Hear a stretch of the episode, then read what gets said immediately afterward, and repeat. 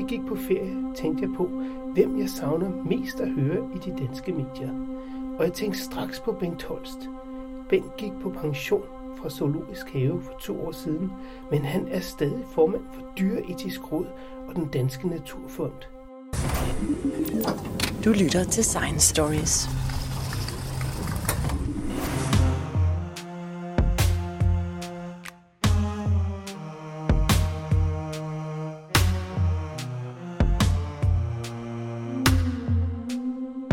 Jeg hedder Jens Teget og er redaktør for Science Stories. Jeg er taget ud i Zoologisk Have i København for at tale med vicedirektør Bengt Holst om, hvad zoologiske haver rent faktisk laver nu om dage. Og programmet er starten på en serie om zoologiske haver og forskningen i zoologiske haver. Og Bengt Holst, der er sket rigtig meget med zoologiske haver de sidste mange år. Ja, hvis vi tager helt tilbage til det, de egentlig startede som, og det som mange stadigvæk tror, en zoologisk have er, så er, startede vi ved menagerierne, som egentlig bare var et sted, hvor man viste dyrene, som de nu så ud, for det var der brug for dengang. Der var ikke fjernsyn, der man havde ikke de samme illustrationer, som man har i dag. Så der var også en meget god idé i at vise dem på den måde, men man tænkte ikke så meget på, at dyrene var levende væsener, der også havde brug for at skulle bevæge sig, og også havde brug for nogle udfordringer i dagligdagen og sådan noget. Så man holdt sig til bare det at vise individerne så bevægede det sig hen over en fase, hvor man begyndte at hvad skal vi sige, vise dem i nogle udstillingsscenarier, som var lidt tættere på virkeligheden, så når man sagde, jamen det her det er ikke bare et dyr, det er et dyr, der forholder sig på en eller anden måde til nogle omgivelser, så man virkede, man lavede sådan en form for økologiske opstillinger, sådan at man kunne se, at savannedyrene, det var altså ude i åbne områder, og de klatrende dyr, det var inde i skovområder og sådan noget, så man prøvede at genskabe noget natur i zoologisk have. Og det gav en god fortælling, og lidt en bedre fortælling, end det der var før i hvert fald, hvor prægtige, hvor fantastisk de her dyr var. I dag er man så gået over til en helt tredje kategori, og det er der, hvor man siger, en øh, zoologisk have, det er en naturbevarelsesorganisation, for vi har et kæmpe potentiale i at deltage aktivt i bevarelsen af truede dyrearter, eller bevarelsen af vores biodiversitet i det hele taget. Øh, og det mener jeg personligt, det er vores primære rolle, men jeg vil også sige, hvis ikke man, man lever med på den rolle, så mener jeg, at en moderne zoologisk have ikke har nogen, bør ikke have nogen plads i samfundet længere. Så det er deres fremmeste opgave er i virkeligheden bevare øh, dyrenes øh, mulighed for at komme tilbage til deres levesteder. Ja, det kan man godt sige. Det er i hvert fald bevare dyrene, som, og for at bevare dyrene bliver man nødt til også at bevare deres levesteder. Derfor er det meget komplekst palet, de zoologiske haver går ind på, den moderne zoologiske haver går ind. For det første skal vi nu være videnskabeligt baseret, og ikke som i gamle dage, hvor det egentlig var bare, hvis man kunne holde dyrene så nogenlunde, så var det ok. Men i dag er det vigtigt, at vi har en videnskabelig baggrund, fordi meget af det arbejde, vi foretager, det er øh, videnskabeligt baseret. Øh, og så er det også vigtigt, at det, vi laver i zoologisk have, at det føres ud til naturen, sådan at vi kan sige, jamen altså, det det vi opnår i zoologisk have, skal bruges ude i naturen for at bevare dem. Det er jo fra sidste ende af naturbevarelse. Det er jo det, der foregår ude i naturen, og ikke i en zoologisk have. Uanset hvordan vi så indgør det. Og der skal vi huske på, at zoologisk haves bidrag til naturbevarelse, det er jo ikke bare ved genudsætninger, som mange tror desværre. Genudsætning er nok den sidste udvej, man kan have for at bevare nogle dyrearter. Øh, vores arbejde med naturbevarelse foregår lige så meget, og måske endnu højere grad, ud fra at skabe den fascination hos folk. Fascination af dyrene, fascination af den forskellige artighed, der er i dyreverdenen, for på den måde at give den ansvarsfølelse, der er. Fordi hvis du først er fascineret af et eller andet, så tager du også ansvar for det pågældende. Og hvis du tager ansvar for de truede dyr, så vil du også gøre noget for at bevare dem fremadrettet. Og derved, så får du altså ved at skabe den der fascination, skaffe en god baggrund for, at der overhovedet kan være tale om naturbevarelse i vores samfund. Dernæst er en anden måde, det er at formidle noget omkring dyrene. For det er jo ikke bare et spørgsmål om at vise, at en giraf ser sådan ud, en elefant ser sådan ud, en kakalak ser sådan her ud. Det kan vi se mange forskellige steder. Men det er noget med at fortælle, hvor fantastiske dyre, dyrearter er. Dels i den måde, de opfører sig på, dels den måde, de tilpasser de omgivelser, de lever i ude i naturen på, og så hele deres situation. Så hver eneste dyreart, stor og lille, fortæller en helt unik historie. Og det er den unikke historie, der skal fascinere, og den måde, det er det, vi skal bevare for fremtiden. For det er jo, og det skal vi lige huske på også, at det er det, jeg mener, der giver naturen den helt unikke store værdi. Det vi ser i dag, det er jo resultatet af millioner af års udvikling, der er gået i alle mulige retninger, hvor nogen er uddøde, men det, der lige er akkurat i dag, det er alt det, der er klaret og udvikle sig. Og det er unikke historier, som vi skal fortælle, og som vi skal være med til at bære alle sammen. Men hvor stor virkning har det, at øh, dyrereservaterne har en slags udstillingsvindue her i vores del af verden? Hvor meget betyder det for for eksempel et sted nede i Borneo, uh, hvor der er et stykke jungle, som nemt kunne blive lavet om til palmeolietræer? Jeg tror, det er en globalt organiseret verden, som vi er i dag. Så tror jeg, det har meget, meget stor betydning. For det første, fordi det er jo alligevel de færreste mennesker, der har mulighed for at komme ud og se den virkelige den natur, der er nede i troberne. Altså at tage en tur til Borneo, eller en tur til Afrika, eller noget af den stil. Vi har hørt om det, vi har set om det i fjernsynet. Men der er mange, der ikke kan komme derud, der kan vi på den anden side bringe naturen til dem i form af de historier, vi kan fortælle. Og så på den måde bringe den her fascination til, til folk. Øh, og i og med, at der bliver fokus på den i vores del af verden, så bliver der også fokus på, at man måske kan rejse nogle midler til, altså nogle penge til det, eller rejse politisk forståelse for, at det er vigtigt at få bevaret de der dele. Og i og med, at vi får rejst de midler, eller den politiske forståelse for det her, så kan vi hjælpe den lokale befolkning, der hvor det foregår, med at få lavet, eller bevaret øh, den natur, det nu, det nu engang drejer, drejer sig om i det her tilfælde. Og så er der, og det er en ting, man helt skal være bleg for, vi har det selv med et projekt, vi har været involveret i i mange år i Brasilien omkring de gyldne løveaber. Og de gyldne løveaber lever i nogle gange lille små skovområder i den, i den østlige del af Brasilien, i gamle atlantiske regnskov. Og der var ikke særlig mange tilbage, da de zoologiske haver gik ind og begyndte at genudsætte nogle aber i begyndelsen af 80'erne, og i dag er bestanden kommet fra at være omkring 150 uden natur. Nu er de steget til omkring 4.000. Og det er jo fantastisk på grund af nogle øh, genudsætninger, der er lavet ud fra en ren videnskabelig grundlag. Men det, man giver det lokale samfund i den sammenhæng, udover at give dem noget natur tilbage, så giver man også en stolthed for den natur, de har omkring sig, og se, wow, der er altså nogen på den anden side af jorden, der tænker på vores natur, der gør noget for vores natur. Det giver en stolthed, så de også selv er med til at værne om den natur, der er tilbage. For der er ingen tvivl om, at alt naturbevarelsesarbejde, det skal ske med basis i det lokale samfund. Det er dem, der i sidste ende skal bakke op omkring det, og vi andre kan kun hjælpe. Men kan man skabe den stolthed for den natur, der, er, der skal værnes om, så har man skabt en meget stærk base for, at den også skal blive bevaret langt ud i fremtiden. Jeg vil sige, at noget af det værste, man kan gøre, det er nok at gøre den ubrugelig, og det er noget af det, der sker. Det, der skal man passe på. Som nogen siger for eksempel, at, at man må slet ikke bruge naturen. Altså når man kommer ned til troperne, så må man ikke bruge træet, man må ikke bruge dyrene, man må ikke bruge noget som helst. Hvis man siger det til lokalbefolkningen, hvis man gør naturen fuldstændig ubrugelig, se det der med deres øjne, så har man gjort den værdiløs, og så er der jo altså ikke andet at gøre end for mange af de lokale samfund at sige, jamen så vælter vi da bare skoven, eller opdyrker det til bananplantage eller lignende, og så har vi gjort værre en gavn. Der, hvor man skal nå frem til, det er, at vi skal kunne udnytte naturen, ligesom vores forfædre har gjort. Det skal vi også kunne gøre i fremtiden, men vi skal udnytte den på en måde, så der er lige så gode muligheder for vores fremtidige generationer at udnytte den, som vi har i dag. Hvis vi kan gøre det, så er vi kommet derhen, hvor vi kommer hen i en form for bæredygtig udnyttelse af naturen, som jeg mener er alfa og omega i naturbevarelse.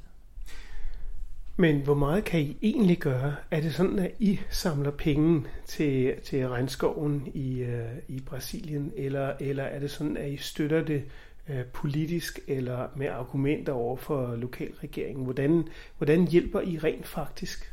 Jamen, vi kan gøre meget, og vi kan spille på alle tangenter faktisk. For det første kan vi selvfølgelig rejse penge i vores del af verden, og så generere for det penge, vi kan skaffe her i Danmark, de kan række meget langt, når vi kommer ned i troverne i mange af de lande dernede. Det er en måde. Men jeg tror, at de zoologiske have bør arbejde videre og, og arbejde på nogle andre felter også.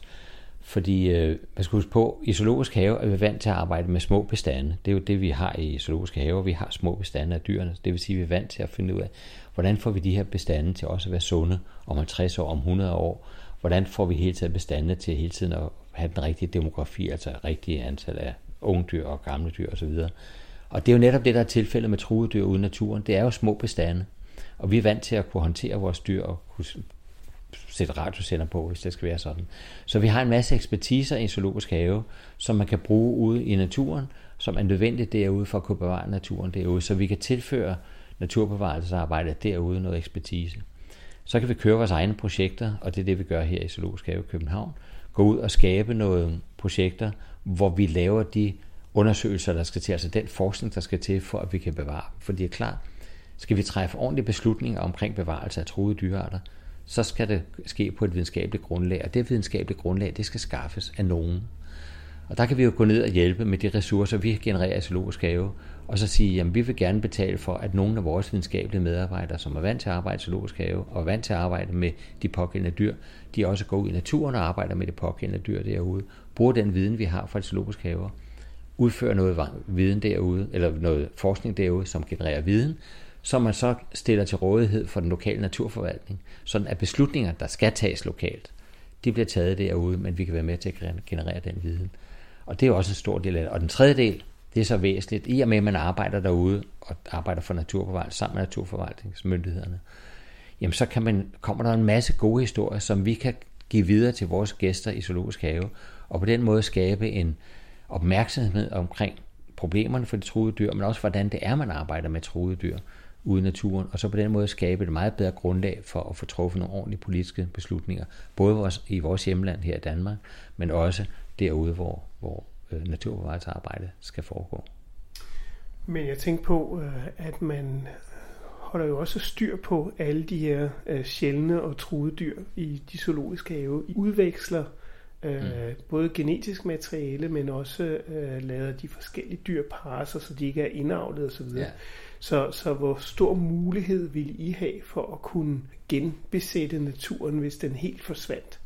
Jamen, det har vi ret store muligheder for, når vi er blevet opmærksom på det. Hvis, det var, hvis du tog som i gamle dage, hvor man bare lå dyrene yngle nogenlunde tilfældigt, så vil jeg sige, øh, chancen for, at en genudsætning skulle bære frugt, den var ikke særlig stor, fordi hvis man bare gør det tilfældigt, så vil man meget hurtigt løbe ind i indhavsproblemer. Men sådan som det er skruet sammen i dag, hvor de zoologiske haver arbejder sammen i såkaldte avlsprogrammer, internationale avlsprogrammer, så tager man jo netop højde for den slags, hvor man sørger for at undgå indavl og sørger for at have den rigtige demografiske øh, sammensætning af bestanden, så man har de rigtige han og hunder og, og gamle og unge, og sørge for at give dem en, en opvækst, så de bliver udsat for en masse af de øh, komplekse omgivelser, som de vil være udsat for ude i naturen osv. Så, på den måde så har man altså skabt godt grundlag for at genudsætte naturen, og hvis du tager igen de gyldne løveæber, som jeg nævnte før, så er det et rigtig godt eksempel på, hvordan det går foregået.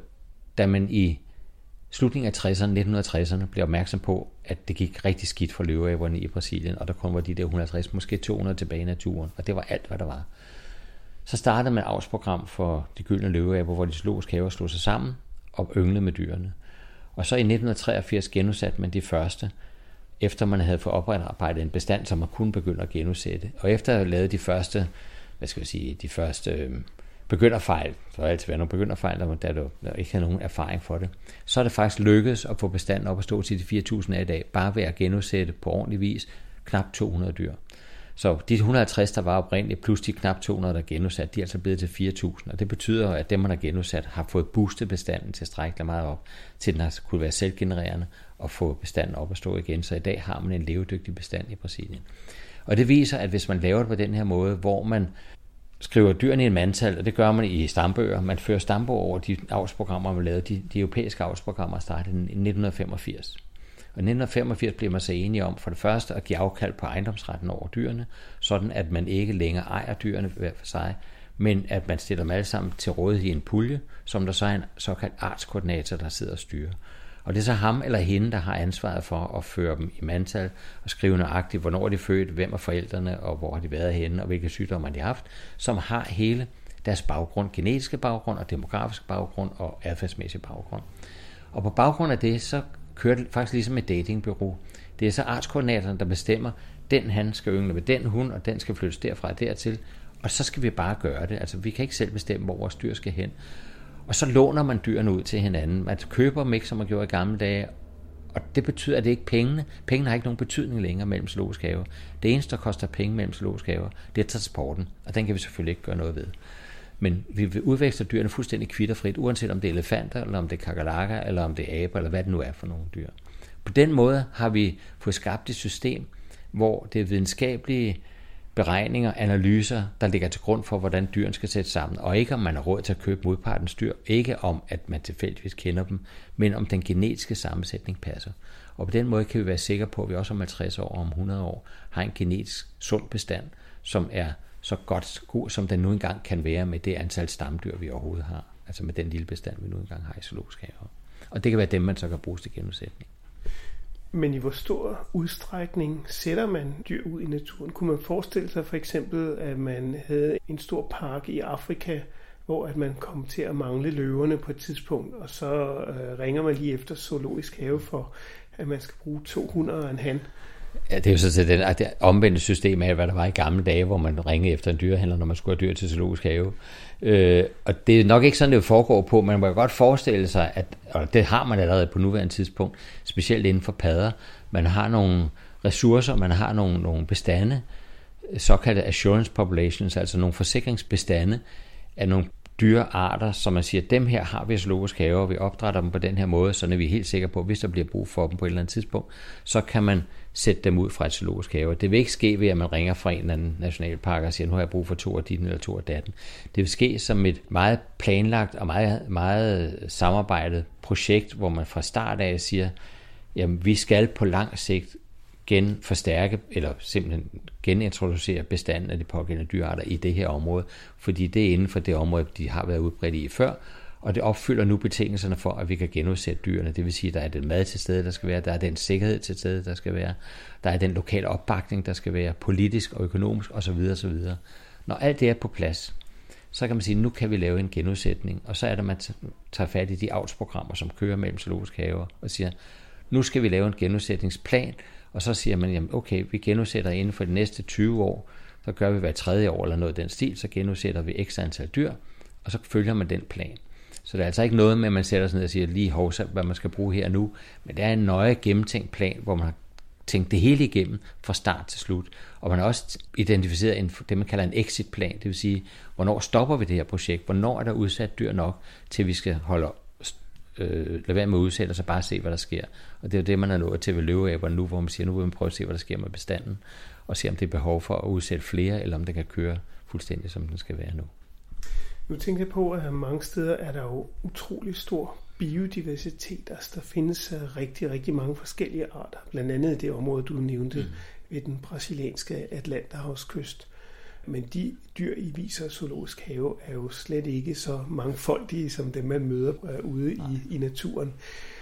Er det, er det sådan, at man, at man også tænker på mangfoldigheden, at man ligesom prøver at øge diversiteten i de zoologiske haver, eller er man simpelthen for langt væk fra at kunne gøre det? Nej, for det første skal man huske på, at når man fokuserer på en bestemt art øh, i et område, så er der en masse meget anonyme arter, der bliver bevaret samtidig med at bevarer den. For eksempel igen den gyldne løveabe i den atlantiske regnskov. Kan vi bevare den gyldne løveabe, så bevarer vi også det område, den gyldne løveabe lever i. Og i og med, at vi bevarer de områder, så bevarer vi også alle de anonyme arter, som lever i de samme træer, på den samme skovbund eller under jorden, i det område, som folk ikke kender så meget til. Og det er jo det, der er meget væsentligt, for i sidste ende af naturbevarelse, det er jo at bevare det komplekse miljø, som dyrene er en del af, og som de er afhængige af på en eller anden vis. Og det er det, der sker på den måde.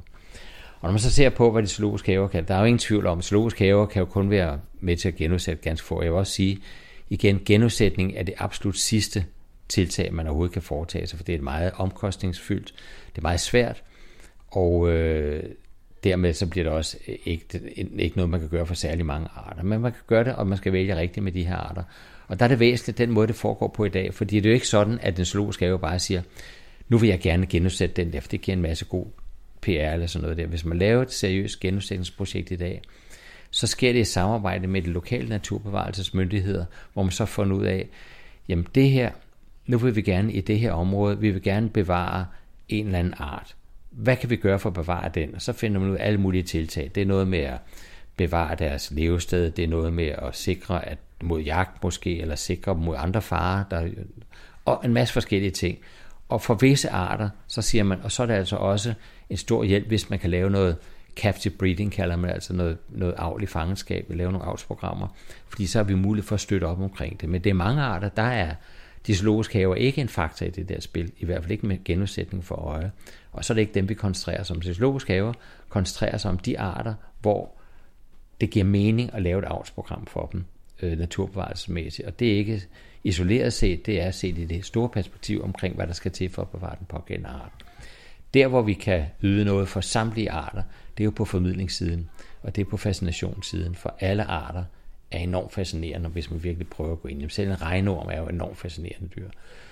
øh, der kan vi yde noget for alle, for alle arter. Men når vi går ind og snakker om genudsætninger, så er det kun de arter, som man kan sige i det store billede, hvor det kan betale sig at lave et, et avlsprogram for den pågældende art, fordi der er med hensyn på genudsætning eller forskning, eller hvad det nu er, man vil lave.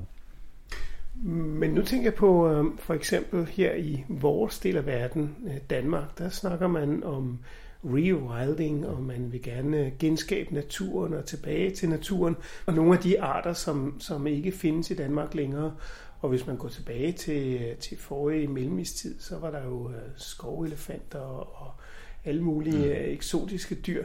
Altså, så man kunne godt forestille sig, at, at man kunne udsætte dyr i, øh, i den danske natur som, øh, som rent faktisk øh, kunne klare sig fint, og måske ville skabe noget forhistorisk natur her. Og, og det er vel i virkeligheden i forlængelse af jeres øh, naturtanke. Ja, det kan man godt sige, og rewilding er jo blevet et begreb, der er blevet meget, øh, Øh, meget moderne over, over hele verden faktisk. Og det man vil genskabe ved uh, rewilding, det er jo ikke nødvendigvis at genskabe den fauna, altså den dyreverden, der var for 10.000 år siden, eller 50.000 år siden. Det er at genskabe de processer, der var i naturen på det tidspunkt. Det vil sige, på det tidspunkt lige efter istiden, sidste istid, der havde vi en masse store planteæder, der vandrede rundt i vores område. Det var sådan noget som mammutter, og øh, der var skov, der har været skovelefant, der har været også næshorn tidligere. Øh, og vi har haft store hjortedyr af forskellige slags. Og det er klart, de har bearbejdet landskabet på en måde, har faktisk været dem, der har formet landskabet. Og øh, det vil man gerne genskabe i et vist omfang. Øh, de, er jo, de er jo væk i dag, så for igen for at få formet landskab, så det bliver komplekst, og det kan rumme en masse forskellige arter, så vil man gerne genindføre, ikke de der dyr, for mange af dem, de er jo altså uddøde, men man vil genindføre de her processer. Derfor har man lavet rewilding-tanken, øh, hvor man siger, nu genindfører vi nogle dyr i forskellige områder, som kan genindføre processerne, og det vil sige, at i stedet for de store planteder, som uddøde, så kan man genindføre heste, måske man kan genindføre nogle, nogle, nogle elstyr, eller nogle andre dyr, øh, som kan gå ind og forme landskabet, sådan som de store planteder gjorde i gamle dage. Og det er også en rigtig god tanke, fordi der er jo ikke nogen tvivl om, at hvis, hvis de får lov at opføre sig i forhold til det landskab, de er i, fuldstændig som de gjorde i gamle dage, uden restriktioner fra menneskets side, så får vi den rette balance mellem dem, der æder planterne, og dem, der æder planteæderne, og så at der bliver sorteret ud i planteæderne i og med på, dårligt, et, på et tidspunkt at vinter og sådan noget, hvor det er knap med føde, så er der en masse, der dør af sult. Det er sådan en naturlig dynamik for at få genskabt naturens egne dynamikker og få altså en selvopholdende natur. Det er en god ting i sig selv. Vi skal bare huske på én ting. Det er en stor del af vores landskab i dag, både i Danmark, men også i resten af Europa og resten af verden for den sags skyld. Det er jo meget præget af mennesker, og vi har jo skabt en masse landskaber omkring os. Vi har nogle restriktioner i, hvor vi gerne vil lade naturen komme hen, i og med, at vi har skabt nogle byer, vi har skabt noget infrastruktur, som vi gerne vil have, der skal være der hele tiden. Nogle vandreservoirer, nogle vandløb og nogle ledninger, alt den slags. Så vi også for de rewildede dyr, altså de dyr, vi sætter ud, de skal altså også forholde sig til de der dele, som vi allerede har under kontrol. Hvis vi så sætter dem ud, så vil vi i Danmark, for eksempel i det danske landskab, så vil vi ofte, hvis vi sætter heste ud, så vil vi nok gøre det og indhegne et stort område og sige, her går hesten, og her får de lov at forme naturen. Og det er også fint, det, der kan man få formet naturen ganske glimrende der, men så skal vi bare huske, at når vi nu sætter hegn omkring dyrene, så fratager vi dyrene mulighed for at forholde sig til naturen på den måde, som man de ellers ville have, hvis de bare færdede fuldstændig frit i naturen. De kan ikke søge føde andre steder end inden for hegnet. Det vil sige, at bliver der pludselig mangel på føde, så i gamle dage, så vil de vandre et eller andet sted hen og finde føde derhen. Og de kan ikke bare for at undgå indavl søge andre flokke langt væk, fordi de er der ikke. Så mennesker skal altså påtage sig et ansvar for at sørge for, at der kommer en genetisk øh, fornyelse i flokken hele tiden, men skal også sørge for, at hvad gør vi ved de dyr, når de kommer ind i sultperioder, hvor dyrene i princippet biologisk set ved de godt, hvad de skal gøre, de skal søge et andet sted hen, men vi har ved hegnet forhindret dem i at gøre det, så mener man har påtaget sig et ansvar. Og der bliver vi nødt til at tage en diskussion om, hvad, hvordan vil vi klare det problem? Vil vi sørge for at holde bestanden nede, regulere bestanden løbende, så den aldrig når det endelige slutpunkt, hvor de virkelig kommer til at sulte ihjel? Eller vil vi lade dem sulte, og lige før de skal dø, så gå ud og skyde dem? Eller vil vi bare lade naturen køre sin gængse gang, og så lade, naturen, lade dyrene dø en ret lidelsesfuld død af, af sult, som de ikke ville have skulle gøre, hvis det ikke var, fordi vi havde sat hegnet op. Og det er en stor debat, man skal sørge for at have, før man laver de her rewilding-processer. Hvornår skal mennesket bryde ind? For vi bliver nødt til at gribe ind på et eller andet tidspunkt i det danske landskab. Det er ikke stort nok til bare at lade dyrene klare sig selv helt på egne præmisser. Mm. Men i hvert fald zoologiske haver er jo så spændende ud fra det synspunkt, at de ligesom øh, har en forbindelse til naturen, og man kan studere øh, Øh, dyrene i naturen, men man kan også øh, studere dem i den zoologiske have. Jeg tænker også på, at en af de ting, I rent faktisk kan gøre, er at, at studere øh, dyrepsykologi og hvordan dyr i det hele taget opfører sig. Ja, vi har jo, vi har jo den store fordel i en zoologisk have, at vi har dyrene under kontrollerede betingelser. Det vil sige, vi har dyrene, hvor vi kender deres baggrund, vi kender deres adfærdsmæssige baggrund, vi har dyregrupper fra alle mulige verdensdele samlet på relativt lille område. Vi har dyr fra mange systematiske grupper samlet på et lille område, så i stedet for at rejse rundt fra sted til sted ude i den store verden for at se de forskellige, plus når man skal huske på, når vi snakker truede dyrearter, så er der meget få af dem, så kan det være meget svært at se ude i naturen. Der har vi mulighed for at lave en del studier på dem i zoologiske haver, og det kan være veterinærmedicinske studier, det kan være føde, altså hvad hedder det, adfærdsøkologiske studier, hvor man ser på deres adfærd, det kan være genetiske studier og fysiologiske studier. Mange forskellige studier, som er nødvendige for at kunne træffe nogle ordentlige beslutninger for, hvad vi skal gøre ude i naturen. Og selvfølgelig har vi også vores begrænsninger. For eksempel er det meget svært at studere fugletrækket gåde i en zoologisk have, fordi det nu engang er et meget lille område, vi har set i forhold til den store natur fra Danmark til Afrika.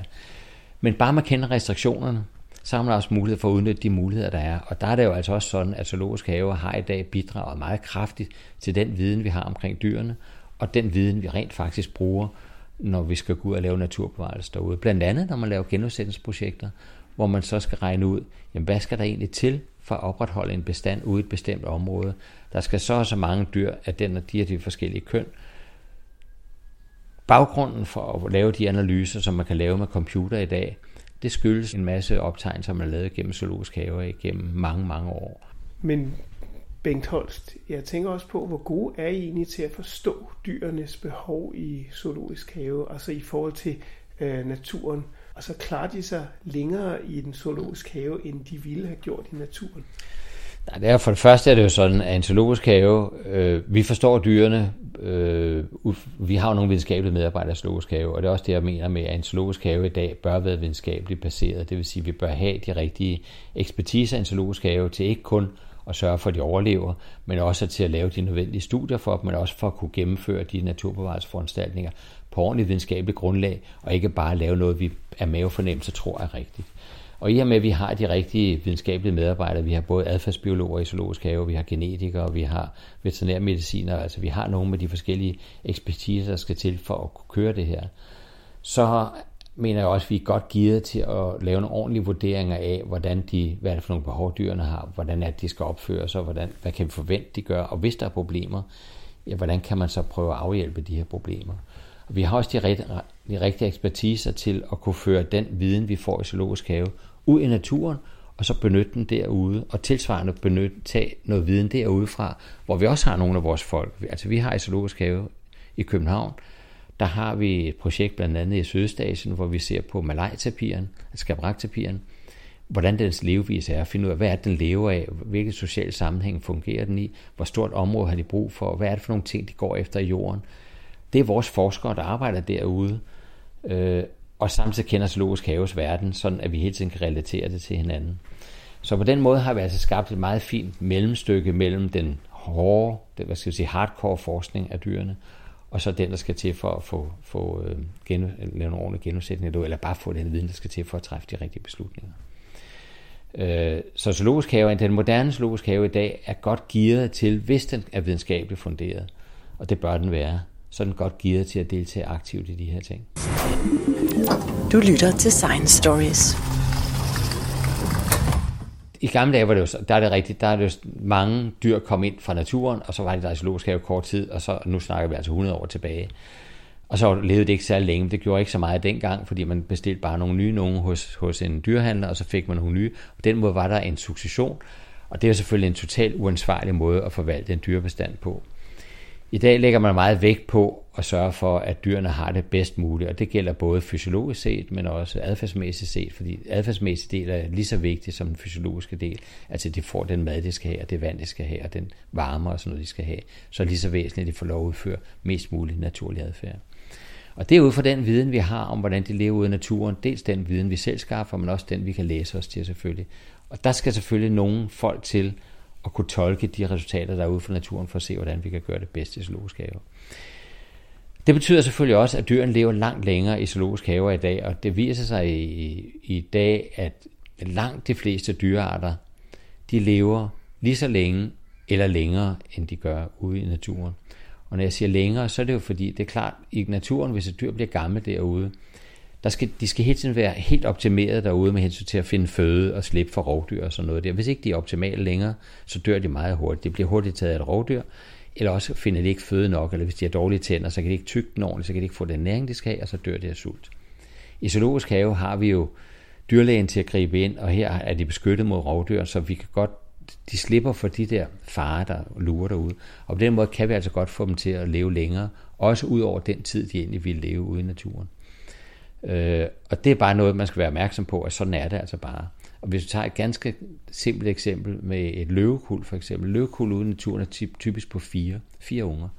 Men ud af de løver på fire unger, der vil kun være en, der når at blive to år gammel ude i naturen. De andre, de dør af sult, tørst, bliver et af andre løver, eller hyæner, eller sygdom, eller et eller andet. Men i zoologisk have kan vi jo få hele løvekullet til at overleve. Øh, dels ved, at de får den mad og vand, de skal have, dels ved, at hvis der ikke er nogen fare. Og skulle de gå hen og blive syge eller halte, så har vi en dyrlæge, som i langt de fleste tilfælde kan gribe ind. Og det skaber jo så et naturligt overskuds øh, hvad skal vi sige, overskudsproblem i en zoologisk have, fordi hvis dyrene yngler godt, hvilket er en rigtig god ting, så risikerer vi jo at løbe ind i et overskud, sådan som man også ude i naturen har et overskud, men der er det bare naturens egne midler, der tager sig af overskuddet, ved at det bliver et af andre dyr. I zoologisk have, der er det altså dyrlægen, der må tage sig af det her overskud, og hvis ikke sådan, at vi kan få dem afsted til en anden zoologisk have, jamen så vælger vi at aflive dem. Heller det, end at bare give dem til en eller anden under, hvad skal vi sige, substandard have, som vil overtage den bare for at få et eller andet udstillet. Det vil vi aldrig gå med til. Altså for os er det, gæld, er det vigtigt, at vi tager ansvar for dyret hele vejen igennem. Og det vil sige, at de skal have et godt liv, så længe de lever. Uanset om det er to måneder, to år eller 20 år, så skal de have et godt liv. Og når de så kommer dertil, hvor døden ligger lige for, så skal vi også sørge for, at de får en god død. De skal ikke nødvendigvis lide sig ind i den, som de tit gør ude i naturen, eller som de kommer til at gøre, hvis vi bare placerer dem et eller andet sted, hvor de går under dårlige forhold.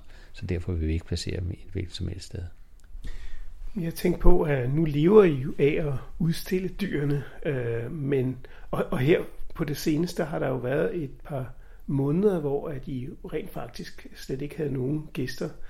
Øhm, hvor meget betyder det for dyrene, at øh, de er helt sig selv, og der slet ikke er nogen til at forstyrre dem overhovedet? Heldigvis har vi jo stadig haft nogle dyrepasser til at passe på dem, for ellers var det gået helt galt. Så vi har selvfølgelig kørt med nødberedskab her under coronatiden. Øh, og øh, det har betydet, for dyrenes vedkommende har de ikke kunne mærke nogen forskel i den måde, de bliver passet på. Det eneste forskel, de har kunne mærke, det er selvfølgelig, at der har været færre ude på publikumsgangene end normalt. Men det, det, er jo noget, det er jo noget, de er vant til, og derfor kan man godt se på dage, hvor der ikke er særlig mange mennesker i zoologisk have, der opfører dyrene sig også en lille smule anderledes, end når der er mange mennesker. Øhm, men det er faktisk ikke meget, og det, de er jo vant til, at vi har det der svingning i besøgstal. Det kan dels være værbetinget, og det er også årstidsbetinget i zoologisk have. Der kan være nogle dage, hvor vi kun har nogle få hundrede mennesker, så er der andre dage, hvor vi har op til 10.000 mennesker på en dag. Og det de er jo vant til, det er jo en del af deres normale billede, at det her det skifter. Så det, der betyder noget for dyrene for alvor, det er egentlig om normalbilledet, så længe det bare er normalbilledet, der kører foran den, jamen så er der ikke noget at være nervøs for, og så bliver det ikke stresset på nogen som helst måde.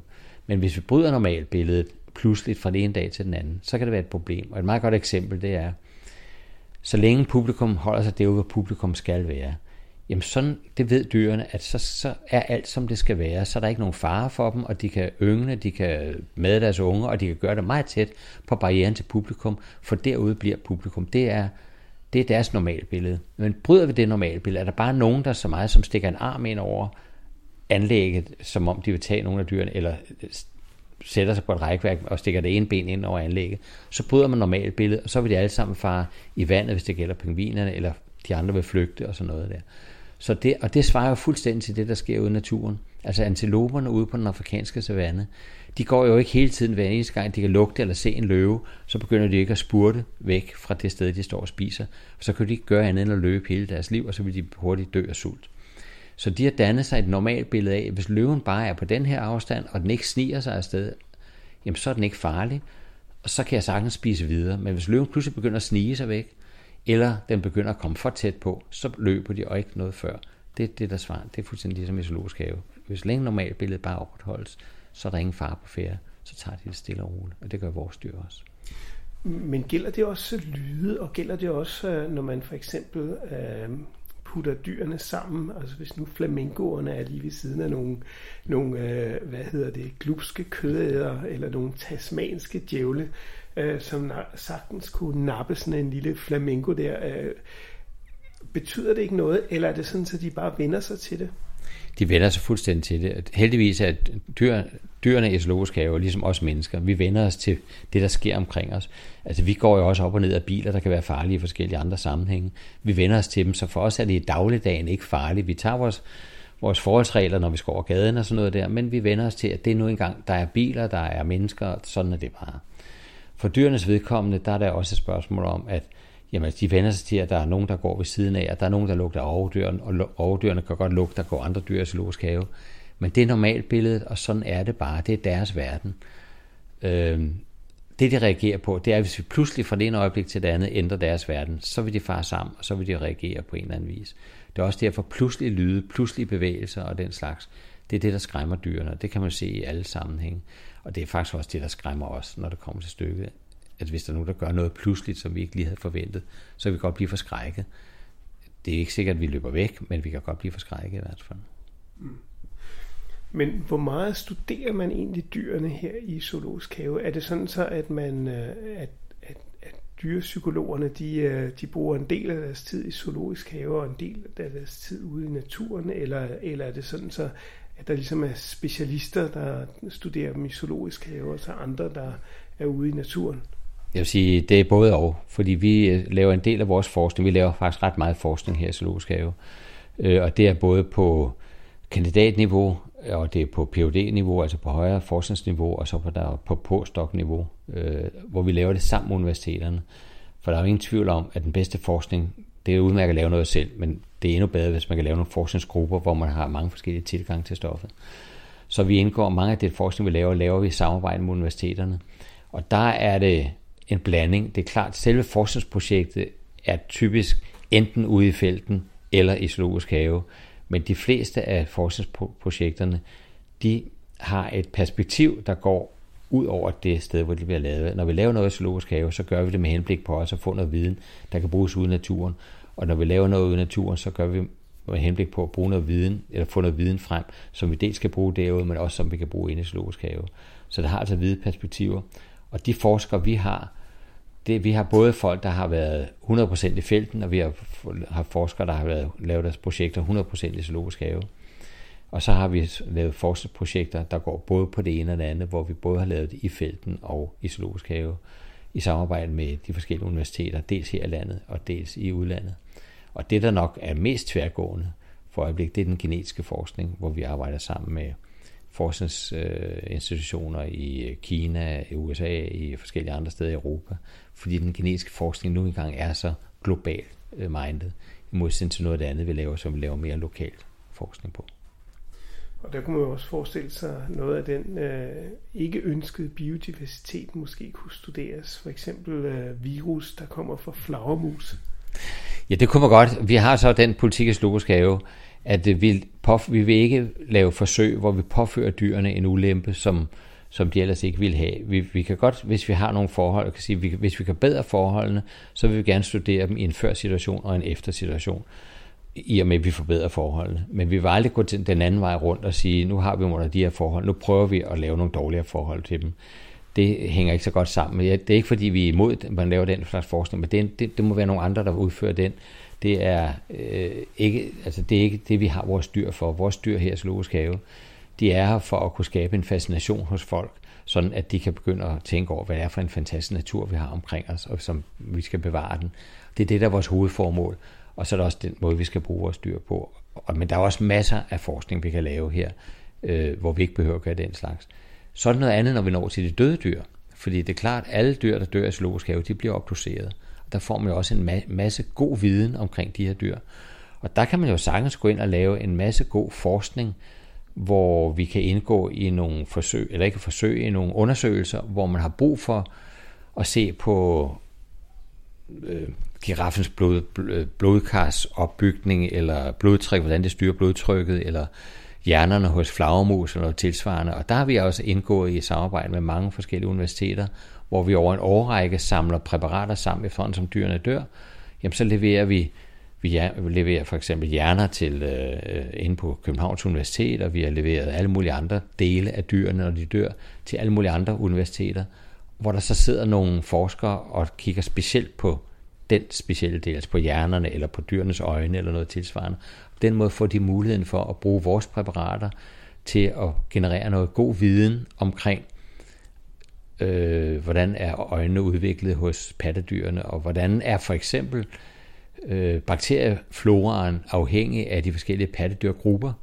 Øh, hvordan er det udviklet sammen med pattedyrgrupperne? Og det er noget, der er meget svært at studere uden naturen, fordi man har ikke adgang til alle de der dyr og kunne lave alle de der undersøgelser. Men i og med, at vi har pattedyrene her, jamen så kan vi godt levere øh, Øh, hvad hedder det, bakterieprøver fra, fra de forskellige dyregrupper. Vi kan levere hele præparater, når dyrene dør, og så kan de udføre de her sammenlignende studier. Og det er der, at zoologisk have også har en meget, meget stor værdi for forskningen. Og det er, det er det, der genererer det gode samarbejde, vi har med universiteterne i dag. Så I er i virkeligheden en slags lille Noras ark, hvor man kan komme og studere dyrene? Ja, det kan du godt sige, at det er hellere sagt en, en Noras splint, fordi i sidste ende Noras ark, Nora prøvede at redde samtlige dyr på den jord.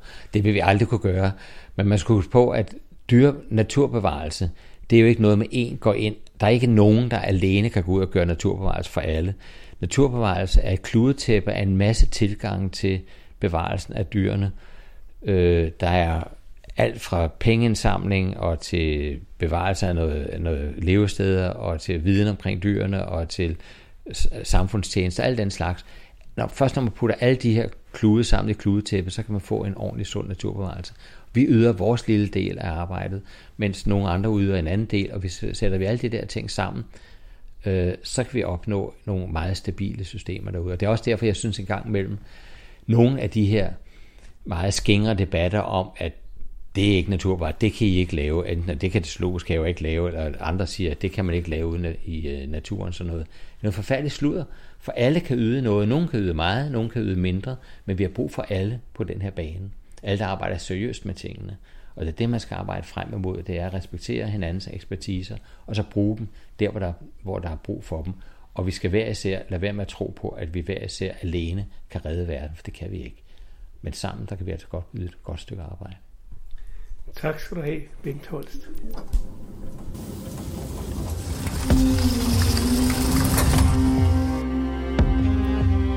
Hvis du holder af historier om videnskab, kan du finde Science Stories hjemmeside på www.sciencestories.dk. Vi er på sociale medier som Facebook, Instagram, LinkedIn og Twitter. Du kan finde vores podcast på de fleste podcastudbydere som SoundCloud, Podimo, Spotify, og hvis du bruger Apple Podcast, må du meget gerne give os en rating og en kommentar, så andre også kan finde os. Jeg hedder Jens Deget, og dette var Science Stories.